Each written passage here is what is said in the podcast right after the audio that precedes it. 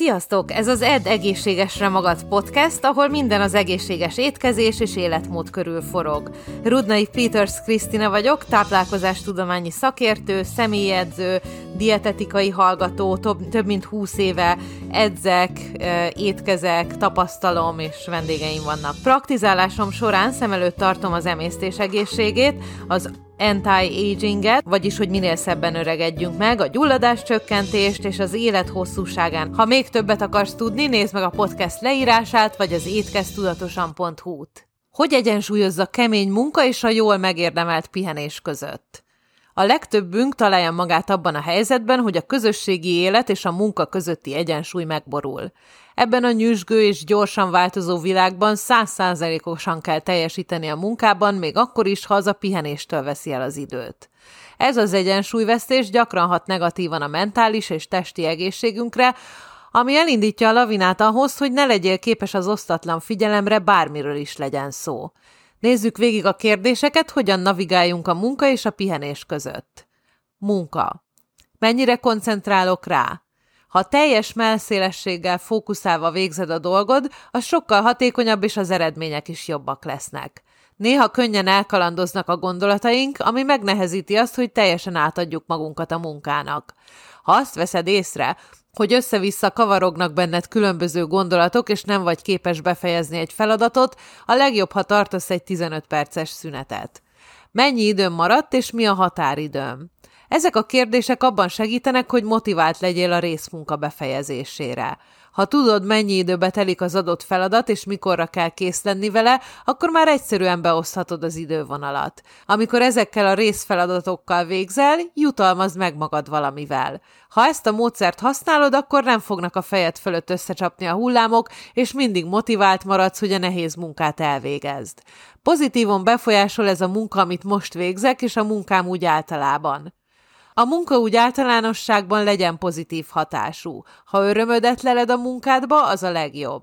Sok ember, aki élvezi a munkáját, kevesebb pihenésre van szüksége. Ez nem azt jelenti, hogy nekik nincs szükségük az ellazulásra, csak az aránya a munka és a pihenés között más, mint a megszokott. Pihenés.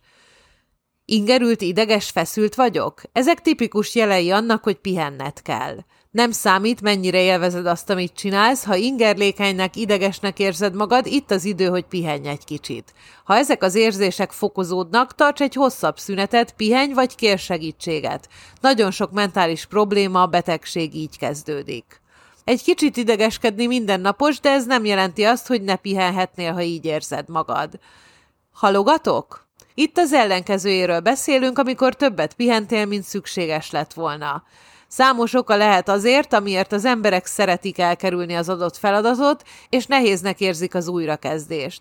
Ha halogatsz, akkor tulajdonképpen eltereled a figyelmedet arról, mit kéne csinálni, és ha ezt felismered, akkor megtetted az első lépést afelé, hogy ezt kiavítsd. Nem könnyű megtalálni a motivációt, az okokat, miért csinálod, amit csinálsz, és néha nehéz beismerni ezeket a tulajdonságokat, de megéri. Milyen fajta pihenésre van szükségem? Néha csak egy pár percig pihenünk, és úgy érezzük magunkat, mintha kicseréltek volna. Ez a leggyakoribb pihenési mód, és fontos, főleg ha hosszú a munkabeosztásod. Néha viszont szükség van egy pár óra lazításra, főleg ha úgy érzed, hogy túl vagy terhelve, vagy hogy hibákat követsz el a munkádban. Ha azonban a pihenést már több hónapja elszalasztod, vagy lecsökkented, akkor talán egy-két hétre is szükséged lesz, hogy visszatöltődj.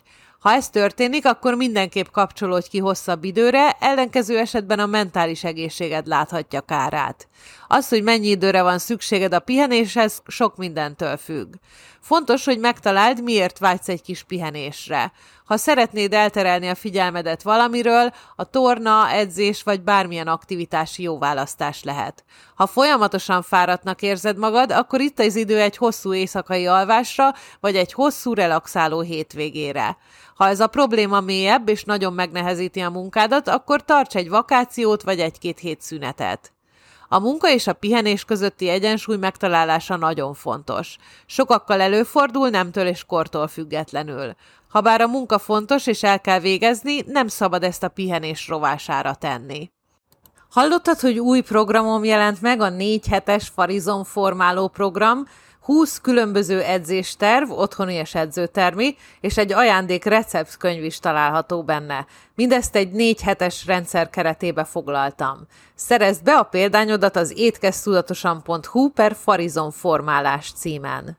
Remélem élvezted ezt az adást, és tanultál belőle valamit. Hogyha további információra vágysz, további podcasteket akarsz hallgatni, akkor menj az étkeztudatosan.hu per podcast oldalra, ha fel akarsz iratkozni az ingyenes, két hetente megjelenő, nagyon szép exkluzív életmód magazinunkra, a holisztikus életmód, a test, az elme és a lélek egyensúlya címmel, akkor menj az étkeztudatosan.hu per hírlevél oldalra, csatlakozz a Vidám Facebook csoportunkhoz, ahol élő edzéseket, recepteket és tudnivalókat, élő előadásokat is tartok.